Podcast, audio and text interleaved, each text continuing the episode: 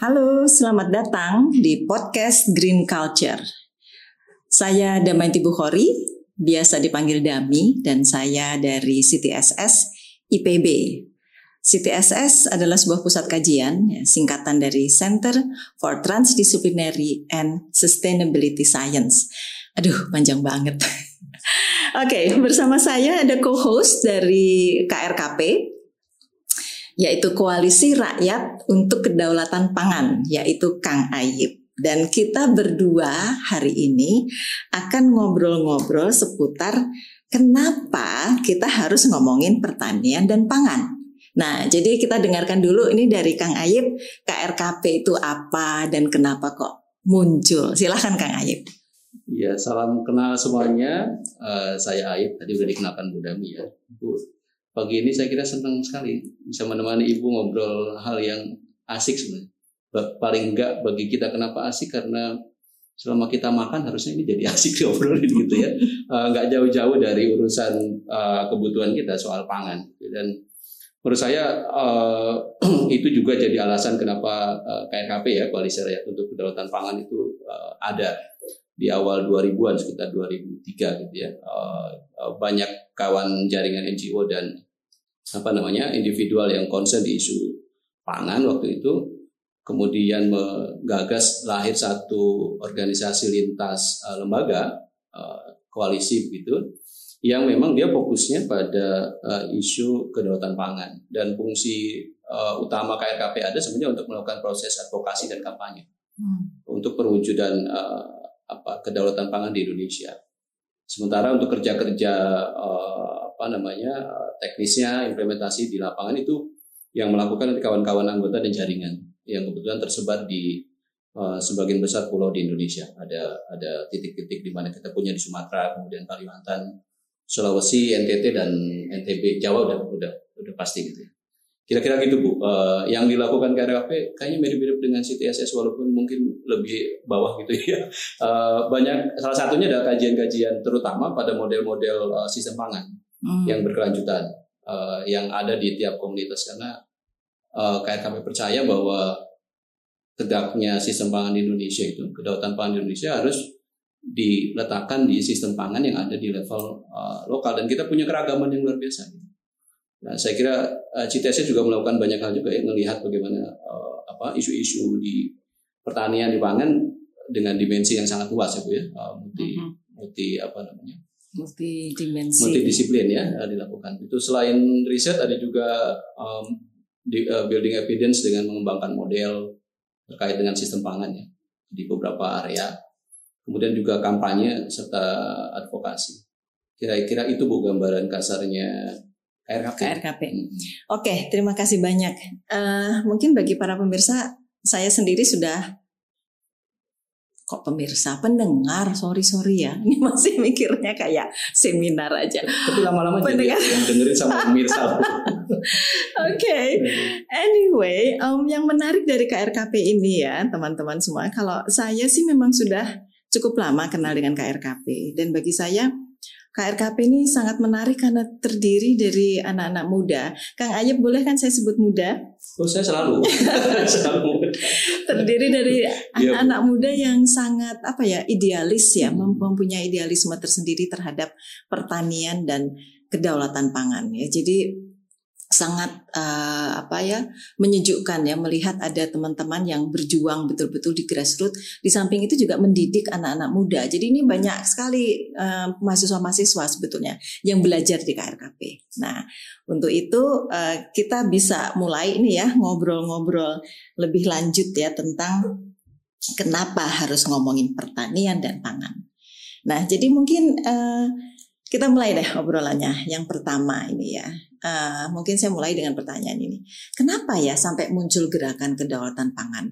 Kalau dipikir ya, sebetulnya kan kita sudah dengar ketahanan pangan gitu ya, dan itu hmm. di perguruan tinggi karena saya dari IPB kita lebih sering menggunakan ketahanan, ketahanan pangan. Ya. Nah kemudian mulailah itu di tahun saya nggak tahu 70s 80s muncul food sovereignty kedaulatan. Jadi uh, kenapa kok sampai harus masuk ke kedaulatan? Ini pertanyaan menarik, tapi sebenarnya pertanyaan ini bisa diajukan juga ke ibu yang mungkin.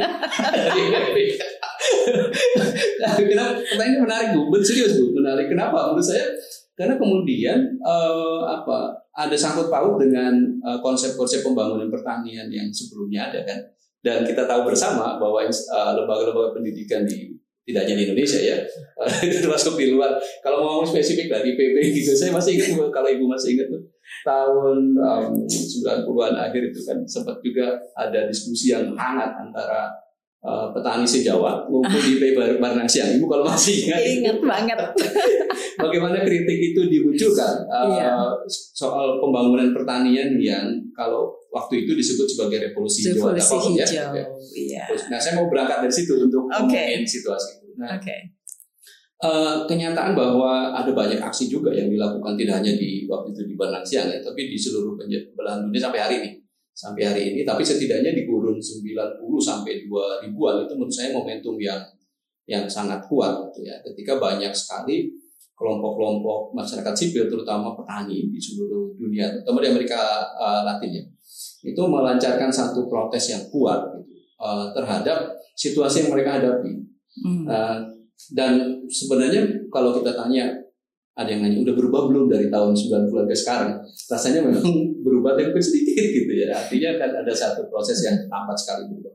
Nah, protes-protes yang muncul waktu itu adalah soal terampasnya hak-hak dasar dari petani itu sendiri.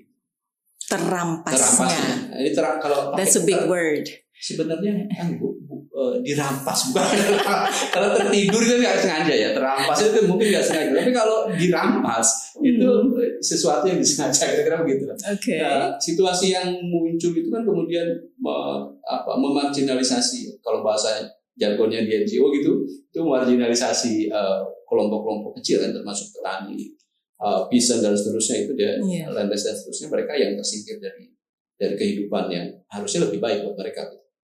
Nah, kalau ditarik lebih jauh, kenapa protes itu muncul? Karena tadi ada soal ketersingkir, disingkirkan tadi. Uh, pertanyaannya kok bisa disingkirkan? Nah, kalau baca lebih jauh kan, kemudian ternyata konsep dan paradigma pembangunan di pertanian pangan sendiri itu yang menyebabkan situasi itu muncul kan. Nah, kritik-kritik itu yang yang makin menggema. Satu satu analogi menurut saya yang menarik bahwa data FAO ya di periode 2000 2010 sampai 2000 2010 ke bawah ya 2010 ke bawah itu mengatakan bahwa um, food production in the world is, itu double produksinya. Hmm.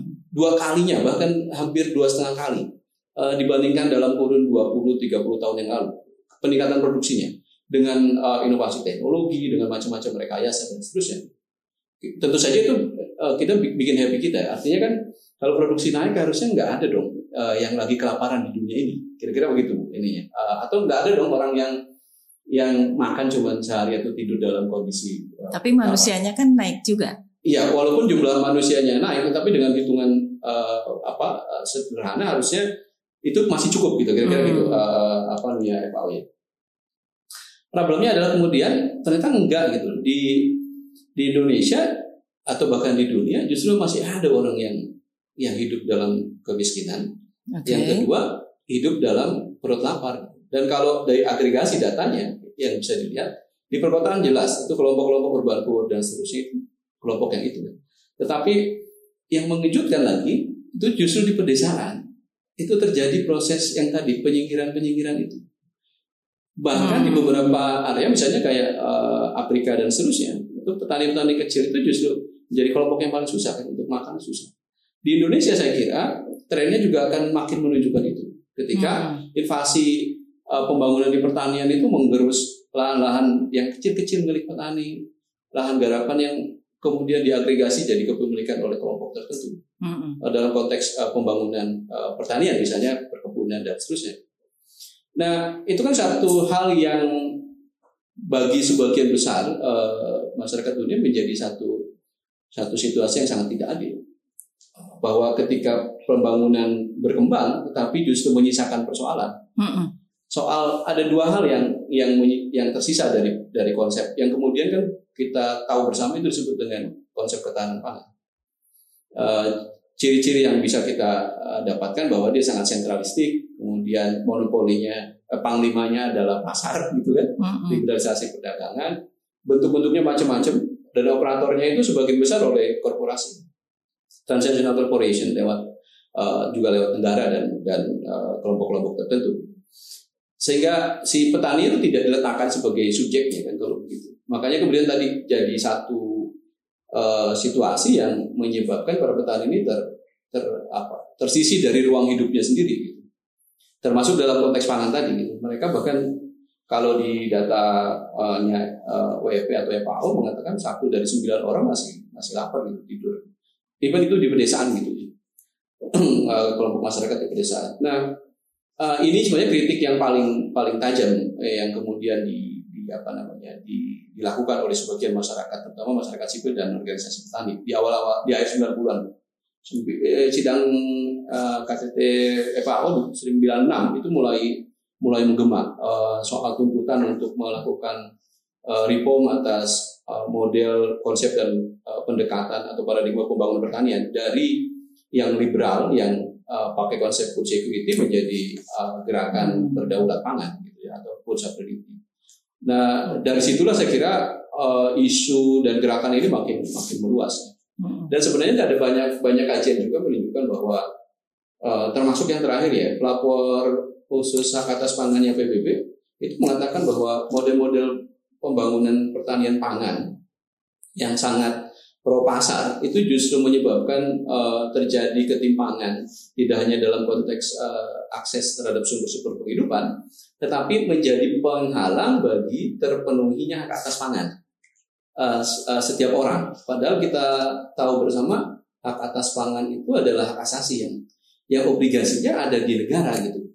Uh, tapi sayangnya sampai hari ini uh, apa namanya di Indonesia sendiri kalau kita lihat kalau mau konteks uh, atas pangan dimensinya jadi luas bu tidak hanya soal dia kelaparan atau dia meninggal karena lapar atau enggak tetapi bahwa kekurangan um, zat gizi saja yang enggak seimbang itu bagian dari itu hmm. atau dia kehilangan akses untuk memproduksi uh, pangan juga bagian dari pelanggaran atau juga akses terhadap pangannya itu sendiri kalau dia terhambat itu juga bagian dari pelanggaran Oke. Okay. Nah justru tadi si siapa namanya pelapor khusus Suster mengatakan bahwa dia semakin semakin liberal, semakin pro pasar itu makin terhambat akses itu. Karena bisa dibayangkan juga di konteks Indonesia mungkin ibu dulu ibu kan pernah ini juga ya pernah mengalami fase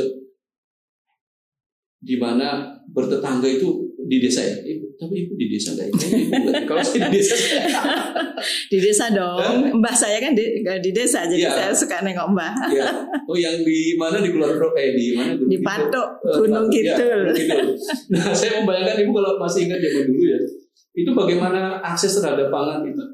Kendali pasarnya menjadi sangat kecil. -hmm. karena yang dibangun kan mekanisme atau uh, sistem pangan yang dia ada kegotong royongan, ada locally yeah, uh, yeah. diversify, udah pasti mm -hmm. gitu. Mm -hmm. Dan kecenderungan orang lapar itu menjadi sangat kecil kalau belajar zaman dulu. Artinya kalau tetangga nggak nggak bisa makan itu rasanya mustahil kalau di desa dulu ya. Mungkin sekarang udah berubah, tapi kalau dulu rasanya kecil gitu kemungkinannya karena sistem berbagi dan seterusnya. Hmm. Nah kalau sekarang yang dikritik uh, pelapor khusus atas pangan itu uh, apa UN ya, itu mengatakan bahwa ketika orang makin rusak sistem pangannya dan hanya satu-satunya cara untuk dapat makan adalah dengan mengakses di market, sementara dia nggak cukup untuk mengakses itu, baik dalam konteks pendapatan maupun sumber daya yang lain atau infrastruktur, maka orang bisa jadi kelaparan. Itu terbukti betul menurut saya dibuktikan tahun lalu kalau ibu eh, kita semua bisa mengamati bu, itu ada 11 kasus yang muat yang mencuat di, di media massa Orang ada yang sampai mencuri gas, hmm. ada yang sampai menjual handphone, sampai banyak sekali kasus orang atau bukan yang di Tangerang walaupun alibinya banyak ya. Itu yang ibu yang meninggal karena nggak bisa makan. Atau di beberapa tempat itu sebelas itu pemberitaan media. Mungkin bisa jadi di yang nggak diberitakan lebih banyak. Orang jadi lapar sekali, orang bernekat membuat berbuat kriminal karena demi demi makan. Hmm, hmm, karena dia nggak punya akses ketika terjadi pandemi. Oke. Okay. Nah itu yang yang dikritik kritik besar oleh oleh banyak kalangan sehingga uh, apa muncul gerakan gerakan Okay. Tapi berarti uh, apa ini namanya ceritanya udah jauh banget gitu dari pertanyaan sederhana tadi. Oh, saya kejauhan. ini harus mundur. Ya? sederhana dari ke, ketahanan dan kedaulatan. Enggak, tapi itu tapi kadang penting. Gini, penting. kalau ngobrol suka lupa. Iya. Enggak, tapi ini penting ya karena sebetulnya mungkin teman-teman yang mendengarkan ini kan semuanya tidak apa namanya not everyone is aware of uh, isu pertanian yeah. ya. Nah jadi biasanya kalau orang mendengar pertanian bayangannya pasti oke okay, bercocok tanam. Jadi masalahnya itu uh, teknologinya gimana, terus kemudian serangan hama hmm. penyakit. Jadi lebih ke arah produksinya, hmm. proses produksi. Tadi Kang Ayib menceritakan kepada kita semua ternyata isu pangan, isu pertanian itu bukan hanya masalah-masalah di hulu ya. Tetapi justru masalah hilirnya itu yang banyak sekali ya. Sehingga masuk kepada tadi ada justice ya keadilan kemudian pasar liberal dan sebagainya. Jadi saya kebayang nih para pendengar um, pasti langsung terbuka wawasannya bahwa ketika kita berbicara tentang pertanian dan pangan it's not enough kalau hanya berbicara tentang teknologinya aja. Nah tadi Kang Ayib bicara tentang dirampas Nah, mungkin teman-teman juga bertanya apa yang dirampas gitu ya. Nah, kalau boleh saya uh, berusaha menjelaskan, tapi nanti kalau saya salah tolong dikoreksi ya Kang Ayib iya, ya. Um, mungkin ketika kita kembali ke masa lalu ya, let's say tahun 40-an, 50-an gitu ya, ketika memang petani lebih banyak pertanian skala kecil dan sebagainya. Kemudian masuklah revolusi hijau hmm. dengan semua teknologinya. Nah, ketika uh, revolusi hijau masuk, itu kan ada paket-paket teknologi yang diberikan kepada petani. Misalnya itu harus dilakukan. Ya? Nah, itu, itu ada pestisida, ada pupuk benih, dan benih, benih, benih dan ya. itu harus dilakukan menjadi top down. Ya, ya kalau enggak kalau itu ditembak itu. Nah, itu salah satu yang dimaksud dengan dirampas oleh ya. Kang Ayib. Benar nggak Kang Ayib? Dan selain itu kalau dalam kekinian kita juga jadi bisa melihat dengan nyata Bu. Soal satu misalnya soal uh, knowledge Bu. Nah, itu ya. juga terjadi perampasan. Bahkan soal knowledge bisa dijelaskan? Ya, bagaimana pengetahuan-pengetahuan lokal soal hmm. ngomongin teknis budidaya itu kemudian kan perlahan. Kalau saya mau kasar banget ini ngomong dirampok gitu. Bayangin gini, dirampoknya dirampoknya dengan cara apa? Dulu di konteks uh, petani desa ya, itu pilihan uh, varietas itu banyak banget. Iya. Dan ketika banyak varietas, maka pengetahuan yang berkembang pada tiap varietas itu spesifik. Iya. Misalnya, ya. uh, ngomong gak usah padi deh, kalau terlalu ngomong sempit banget ngomong pertanyaan ke padi gitu. Uh, misalnya pisang bu, mm-hmm. pisang di Indonesia banyak banget ya. Yeah. Uh, kita tahu bersama yeah. dari warna biru sampai yang warna kuning, sampai yang merah sampai yeah. emas kan Iya yeah, betul. Nah ketika satu-satu bergeser boleh nyebut merek nggak ibu kita? Sebaiknya pisang jangan. yang kuning panjang itu ya, yeah. yang sekarang kan top itu, yeah. udah jadi single komoditi, single yeah, yeah. cultivar sejenis. Yeah. Maka pengetahuan ketika ini didorong semua ke sana, pengetahuan soal nanam pisang emas itu berbeda loh Bu sama iya, pisang iya, nangka gitu iya, kan. Iya iya iya. Iya. iya. Uh, hamanya juga berbeda. Pasti knowledge-nya juga tumbuh di situ berbeda. Nah, itu perlahan tapi pasti itu di dihilangkan saya ikut gitu ya. Hilang Bu sehingga iya. dengan tadi gitu loh. Tapi Kang Ayub, hmm. itu berat banget kalau Kang kalau Kang Ayub ngomong iya, sampai iya. seperti itu tuh berat banget hmm. karena secara tidak langsung atau secara langsung hmm. itu berarti Pak uh, Kang Ayib ini uh, menyentuh isu sains dan teknologi. Yes. Ya, di mana? Saya ngomong di mana?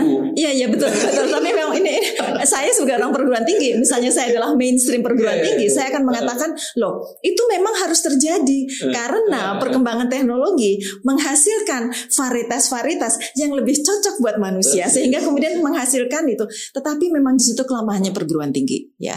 Ketika kemudian perguruan tinggi menghasilkan varietas yang dianggap bagus kemudian diadopsi oleh semua orang, di situlah terjadi kehilangan varietas lokal. Hmm. Tapi terus gimana dong Kang Ayib? Sebelum ke gimana tadi saya nambahin satu Bu, nambahin satu. Yang jadi problem sebenarnya bagi saya pribadi ya atau bagi sebagai besar kawan-kawan yang uh, apa di gerakan uh, sovereignty uh, bahwa perkembangan teknologi itu kan tidak juga bisa dinafikan karena kan berkembang yeah. sesuai zamannya. Betul. Tapi yang jadi problem adalah ketika uh, teknologi itu hanya dikuasai oleh segelintir orang. Kenapa saya bilang tadi dirampok? Soal pengetahuan misalnya, uh, kultivasi jenis uh, varietas A, B, C gitu.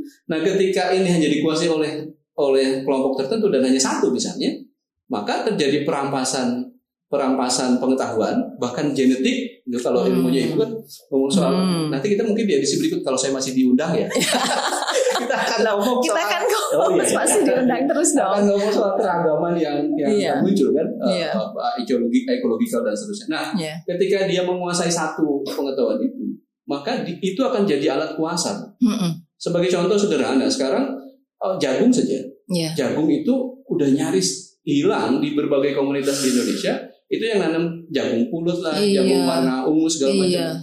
Sekarang jadi hanya hibrida. Nah hmm. problemnya adalah petani setiap nanam itu nggak bisa minta gratis. Iya, nggak bisa nanam beli. pulang, harus beli. Harus beli. Teknologinya juga tidak dimiliki mereka, tapi dimiliki oleh si para petani. Jadi ada dimensinya sebenarnya menjadi sangat luas ya. Uh-huh. Kehilangan tadi yang ibu bilang soal uh, evolusi jauh di luar itu eksesnya menjadi sangat banyak kan. Uh-huh. So, akhirnya satu kritik yang menurut saya tadi soal uh, dirampas, dihilangkan, dipaksa marginal itu adalah uh, konteksnya adalah penguasaan ruang hidup uh, petani uh, atau uh, masyarakat di pedesaan. Mm-hmm. Kemudian jadi disubordinasi kan. Dan pada titik itu saya mau katakan ini bu bahwa petani itu akhirnya jadi jadi objek. Mm-hmm. Itu menurut saya kalau saya lihat sekarang ya sekarang itu banyak yang yang kita lihat petani itu hanya sekedar di alat produksi Yeah. Kalau mau jujur loh Bu, kita yeah. lihat apa sih yang enggak satu benih harus beli, pupuk harus beli. Yeah. Bahkan cara tanam dan waktu tanam saja Bu, yeah. itu udah ditentukan. Kalau bisa tiga kali padi ya, yeah. bahkan terakhir ada lebih gila idenya. Setahun bisa gak empat kali? Coba dibayangkan. Saya kalau saya petani IP 300, IP 400. Nah ini kalau mau ngomong sampai ke situ. Iya iya iya. Oke, okay, ini ini ini jadi saya saya merenung nih terus hmm. terang ya. Karena dari perguruan tinggi langsung saya berpikir gitu. Uh, perguruan tinggi berarti bertanggung jawab juga terhadap terjadinya homogenisasi hmm, hmm. terhadap varietas varietas lokal karena kita kehilangan varietas yeah, lokal. Yeah, yeah. Jadi sekarang bagaimana perguruan tinggi seharusnya juga memikirkan uh, tidak matinya hmm. uh, varietas-varietas lokal tersebut ya dan uh, sebetulnya dengan ada perguruan tinggi di berbagai Indonesia itu harusnya perguruan tinggi bisa melahirkan varietas-varietas bekerja sama dengan petani-petani yeah, ya. lokal yeah. bagaimana memajukan varietas lokal bersama-sama antara petani dan perguruan tinggi sehingga keragaman itu tetap bisa dijaga harusnya ke situ mungkin ya betul, tapi karena kita ini ada pasar kemudian hmm. ada korporasi hmm. betul betul iya karena menurut saya harusnya uh, yang yang menjadi kekuatan ya uh, menjadi kekuatan kita harusnya uh, Indonesia itu akan kuat sistem pangannya kalau ada dua kata kunci menurut saya yang harus kita letakkan. Itu soal lokality sama diversity. Okay. dan uh, ketika lokality itu menyangkut soal uh, uh, mekanisme dan tatanan yang ada termasuk nilai ya bu ya sistem gitu. Yang kedua diversity tentu saja keragaman mulai dari genetik, eh, varietas, keragaman model sistem cara menyimpan, cara menanam, cara memelihara benih itu juga sangat beragam. Dan menurut saya ketika itu makin dikerucutkan menjadi satu, resiko yang kita hadapi makin besar. Dan itu kan sebenarnya kritik-kritik kritik, kritik di ketahanan pangan uh, yang kontranya di kedaulatan pangan kan justru cara berpikirnya itu dia cara pikir green, green idealisme. Jadi uh, cara berpikir lebih hijau, lebih okay. Sustain. Okay. Nggak ngomong soal ini harus harus monokultur, ini harus mono harus dibikin mono gitu. Hmm. Enggak, justru di kedaulatan karena ada soal ketika ngomong kedaulatan kita ada ngomong soal respect on uh, culture on ecological gitu ya. Uh, tentu saja pada manusianya, pada petaninya. Dan menurut saya itu yang sangat berbeda antara konsep ketahanan dengan kedaulatan pangan ya. Jadi menempatkan soal ekologikal, soal uh, kultural itu jadi nggak bisa di, di, disamakan misalnya petani di Eropa dengan di Indonesia itu mm-hmm. rasanya nggak sangat mungkin. Jangankan di Eropa antar negara ya, antar daerah aja ibu udah keliling ke seluruh Indonesia. Antara uh, Sumba Timur dengan uh, Jawa Timur itu juga berbeda. Yeah. Ya kalau mau dibikin sama, menurut saya jatuhnya akan menjadi sangat sangat resisten bagi kita. Dan Betul.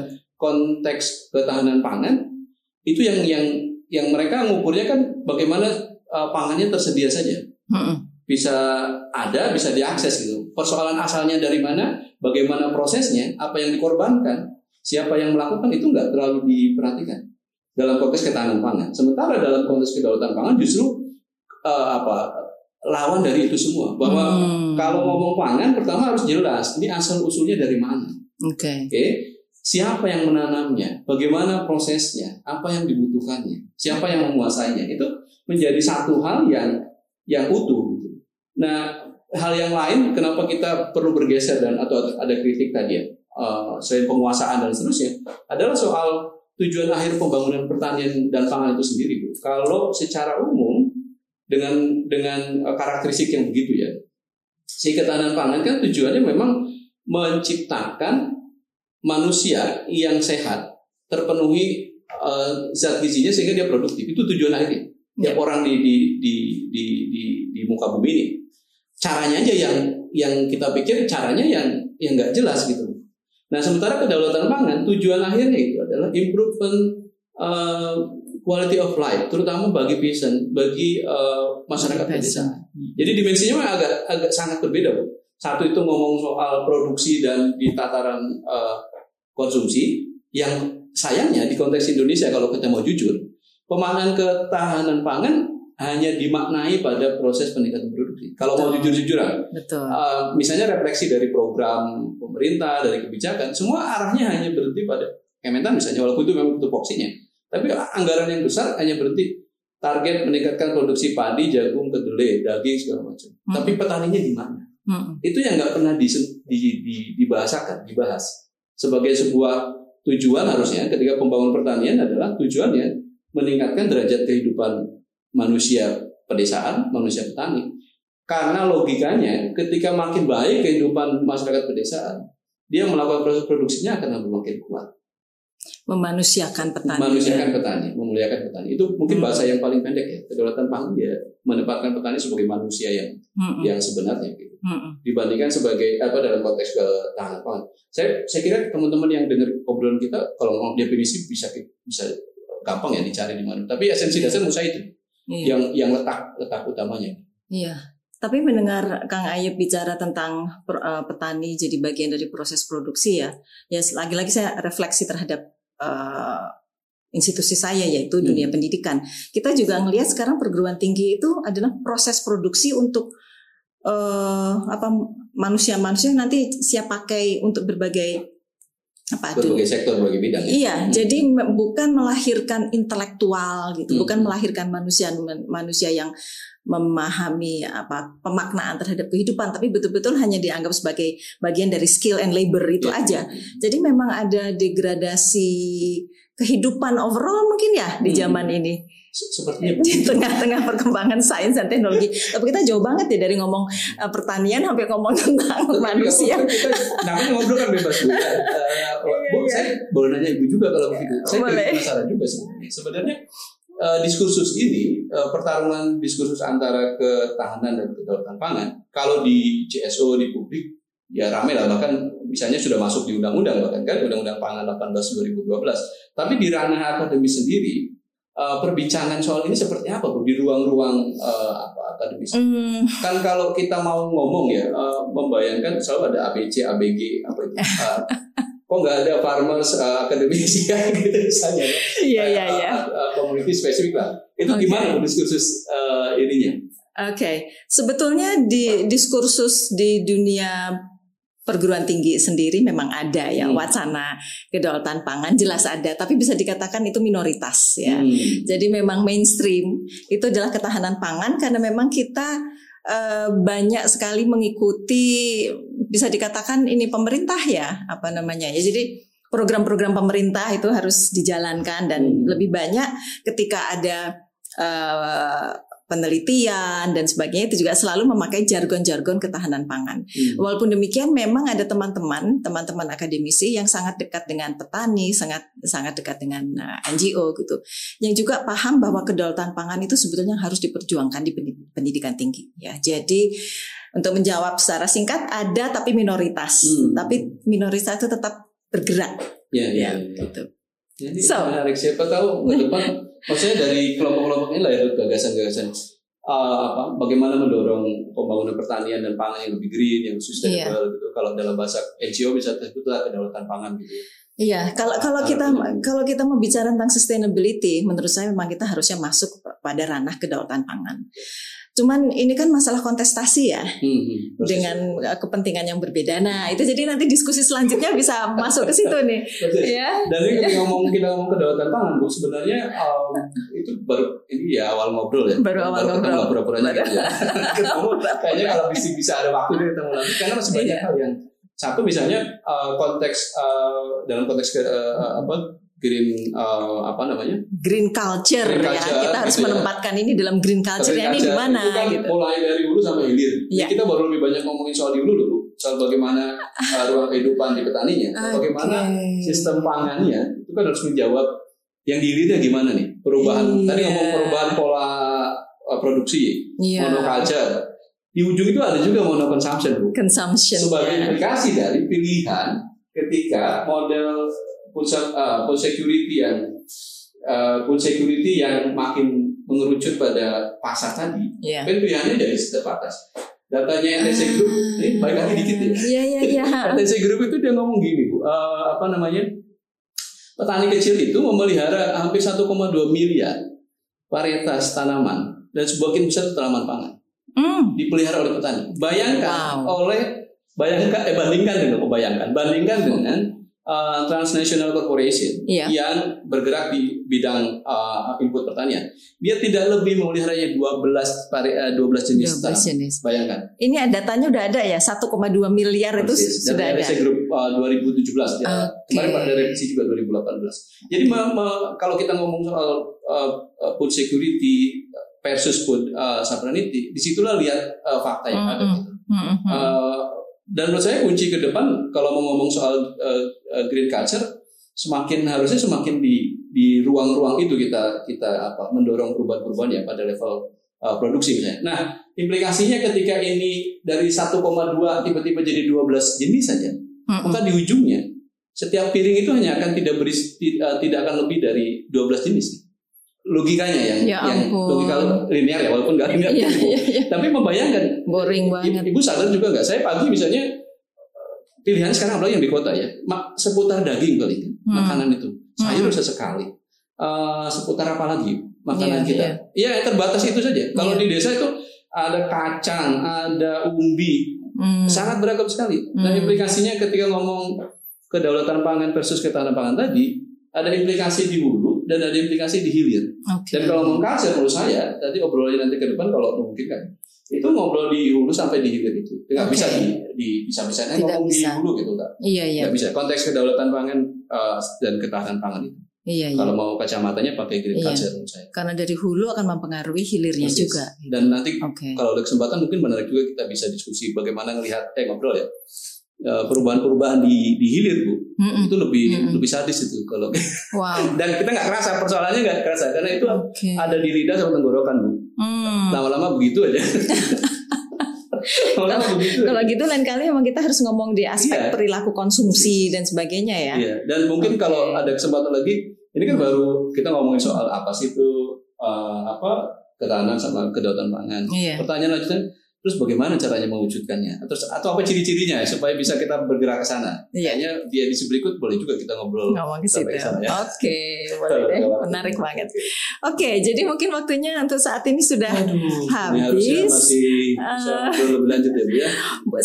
Waktu itu saya dikasih pesan tidak untuk membuat conclusion atau kesimpulan, tapi saya akan memberikan apa renungan mungkin ya. Hmm. Bukan kesimpulan tapi renungan. Saya senang yang Bu Dami selalu diajak merenung. Jadi kita semua pendengar ini diajak berenang juga. Harusnya saya siapkan puisi juga mungkin ya. Oh, Lain Atau malah ngobrol berikutnya Bu puisi. puisi. Asal yang nggak boleh sulap aja kan nggak kelihatan. Oke, jadi tadi ada beberapa titik menarik yang uh, langsung kena di hati saya ya. Yaitu ketika kita berbicara tentang kedaulatan pangan, kita sebenarnya berbicara tentang sistem pangan di level lokal locality dan diversity itu menurut saya penting banget ya. Jadi ketika kita bicara locality dan diversity, berarti kita harus paham ekologi setempat, kita paham aspek biofisik dan uh, well basically the ecology. Hmm. Kemudian juga memahami kultur dari masyarakat lokal itu yang kemudian sekarang hilang karena terjadinya homogenisasi yeah. dalam apa pun, dalam kultur, dalam apalagi dengan medsos itu. Nah ini kalau kita mau berbicara tentang green culture.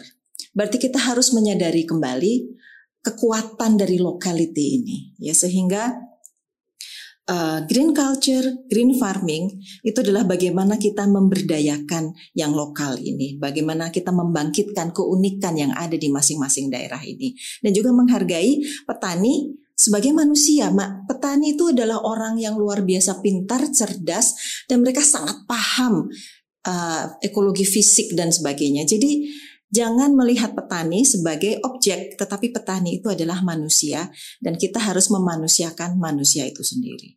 Mungkin itu kurang lebih renungan yang uh, saya tangkap untuk kali ini. Sampai ketemu lagi di podcast berikutnya. Ya, sampai Makasih ketemu. Kang Ayu. Sampai ketemu Sampai di obrolan ketemu.